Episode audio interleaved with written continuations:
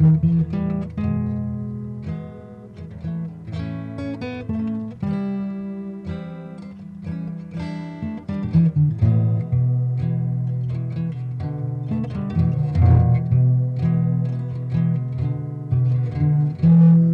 بكل مشاهدي ومتابعي القناة.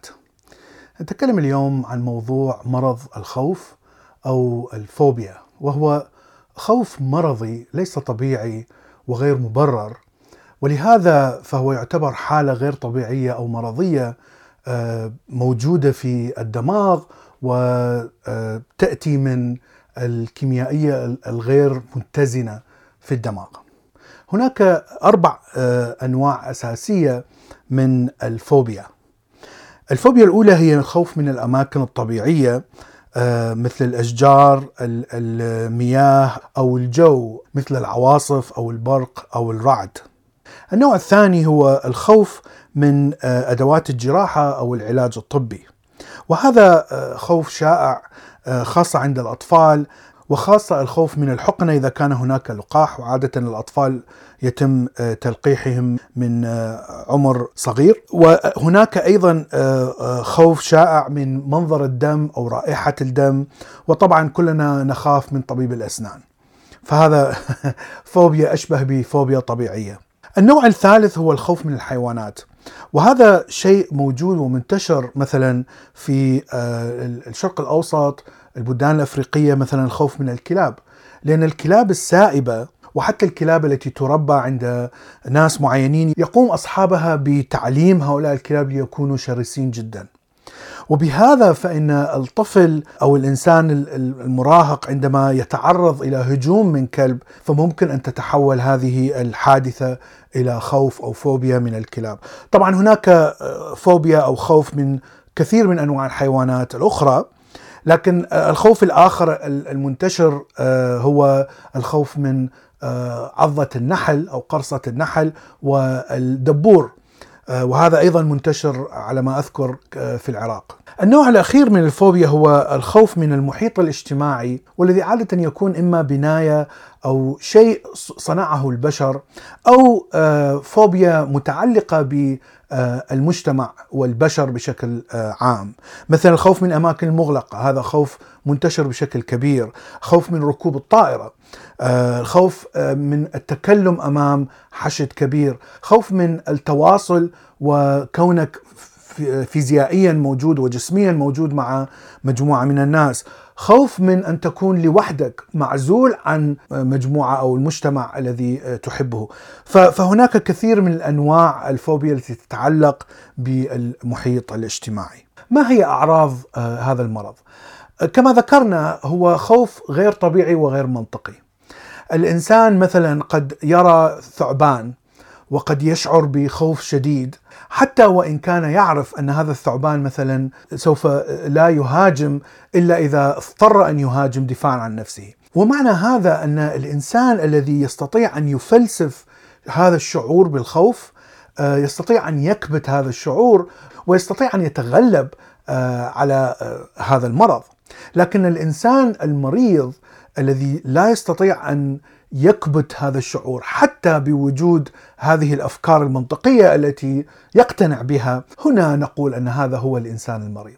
المشكلة أن إذا شعور الخوف أو الفوبيا يزيد آه، ولا تستطيع أن تسيطر عليه فمثلا المسبب آه، لا زال موجود إما أنت موجود في مكان مغلق ولا تستطيع الخروج منه مثلا فإن الجسم سوف يحاول أن آه، يهرب من هذا المكان لأن هذا هو الشيء الطبيعي الذي يفعله أي إنسان في حالة الخطر. وهذا معنى ان الادرينالين سوف يزيد بشكل كبير وأن نبضات القلب وضغط القلب ستزيد بشكل كبير وأن العضلات ستبدأ بالتشنج حتى تكون مستعدة للهرب، وإذا لم تستطع أن تستعمل كل هذه الطاقة في جهد فيزيائي، فإنه طبعا هذا سيشكل خطر على الجسم، شيء طبيعي آه، ارتفاع ضغط الدم بشكل كبير آه، يسبب آه، خطر كبير على الصحة. فإذا مرض الفوبيا لا يسبب فقط مشكلة اجتماعية لأنك لا تستطيع ان تتواجد في أماكن معينة بشكل طبيعي مثل باقي الناس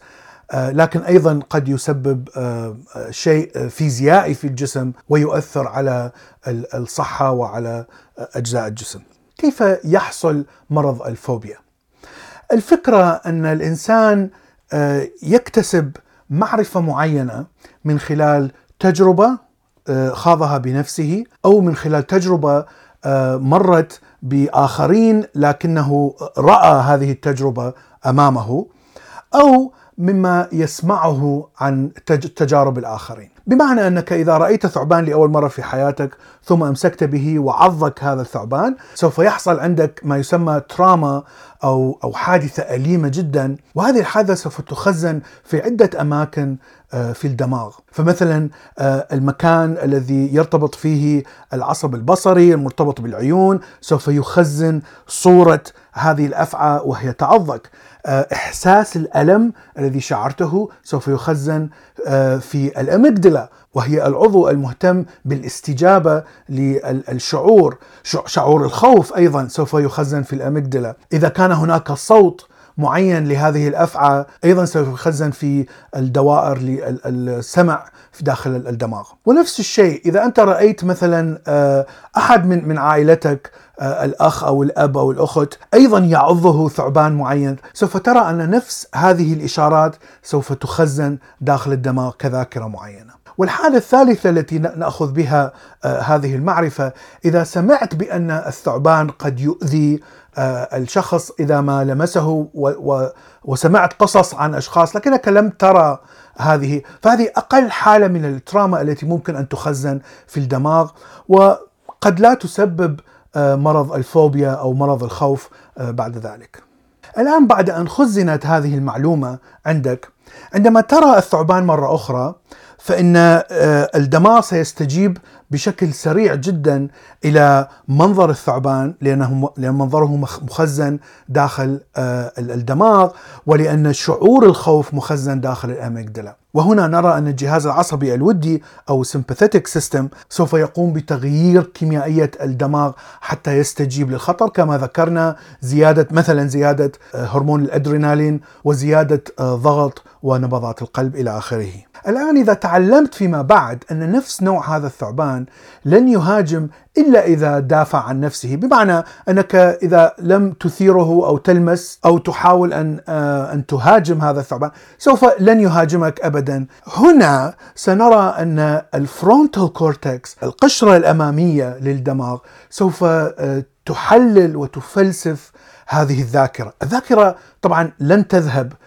وستبقى في آه، الأميجدلا وكل هذه الأماكن آه، في الدماغ لكن القشرة الخارجية ستقوم بفلسفة هذا الخوف وستقوم بتهدئة الجسم وهنا الباراسمباثيتك أو الجهاز العصبي نظير الودي سوف يعمل ويقلل الطاقة ويهبط نبض القلب حتى يعود الإنسان إلى حالة السكون. وهنا تأتي مشكلة مرض الخوف أو الفوبيا. الدماغ ليس له قدرة على فلسفة هذا الشعور، لكن لماذا لا يستطيع الدماغ يفلسف هذا الشعور؟ بعد إجراء تجارب آه، على المرضى وعلى الأشخاص السليمين آه، لاحظوا أن المرضى دائما آه، لديهم إشارات أكبر بكثير من الاميجدلا التي تأتي من الجهه اليمنى ولهذا فإن الإشارات التي تنتجها الأميجدلا تكون أعلى بكثير آه، من الإشارات التي تنتج من التفكير آه، أو محاولة فلسفة هذا الخوف. ولهذا نرى أن هذا المريض لا يستطيع أن يكبت هذا الإشارات هذه القوية التي تأتي من الأميجدلا وهناك مرض آخر يشبه مرض الخوف أو الفوبيا وهو post traumatic stress disorder أو آه، الاضطراب ما بعد الصدمة. وهذا المرض شبيه لمرض الفوبيا. الفرق أن ذاكرة هذه الحادثة الأليمة التي خزنت في الدماغ تكون متغيبة عن الوعي. فالوعي لا يتذكر وجود هذه الذاكرة في الحالة الطبيعية. لكن طبعا الذاكرة تعود في حالات معينة مثلا عند النوم عندما تحلم عادة آه، الأفكار والإشارات اللي تأتي من اللاوعي ومن الأمجدلة تبدأ بالظهور في الأحلام. أو مثلا إذا كنت في حرب معينة إذا كنت جندي في حرب ورأيت مثلا أصحابك يموتون في معركة معينة وكان هناك رائحة بارود قوية.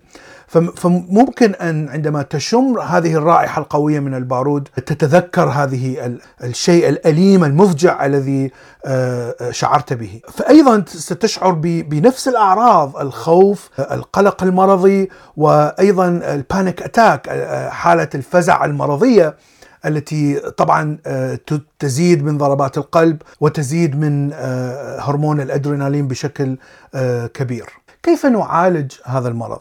هناك كثير من أنواع العلاجات، هناك علاج نفسي بمعنى تعلم الإنسان وحمل الوعي إلى مرحلة أكبر بكثير آه، والتفكير وإدراك هذا الخوف بشكل أكبر بكثير من الإدراك الإنسان الطبيعي حتى أستطيع أن أفلسف آه، هذا الشعور وأستطيع أن أهدئ من من شعور الخوف. طبعا آه، هو لا يحدث بين ليلة وضحاها، يجب أن آه، تعمل مع طبيب نفسي حتى تستطيع أن تتعلم كيف تمرن الدماغ وتمرن تفكيرك في فلسفة هذا الشعور.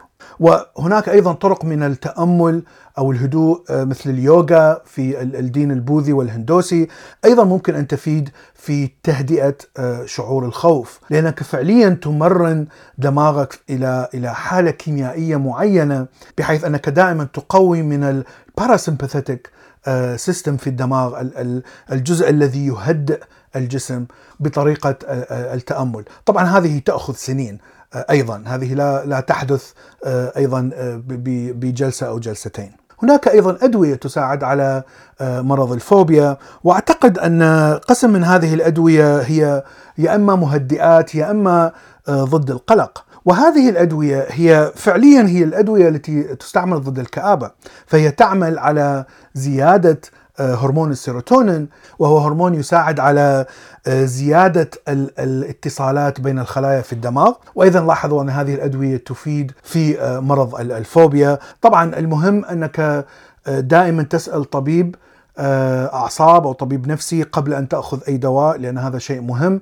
لأن هذه كل هذه الأدوية فيها جوانب سلبية لا يوجد دواء بدون جانب سلبي. وهناك كثير من أنواع من من هذه الأدوية يعني ليس هناك دواء واحد أو اثنين. فيجب ان أن تجرب آه، عدة أدوية قبل أن آه، تقرر أن هذا الدواء هو أفضل آه، دواء للحالة.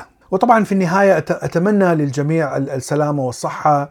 وإذا ما شعرتم بالخوف المرضي بشكل غير طبيعي. بمعنى أنك تشعر برعب شديد مثلا عندما ترى نحلة آه، ولا ترى هذا الرعب آه، مثلا عند باقي الناس. هذا معناه أنك مصاب آه، بمرض الخوف الفوبيا. وكما ذكرت هناك علاجات كثيرة مثل العلاج النفسي أو باستخدام الأدوية. شكرا لكم وإلى اللقاء في حلقة أخرى.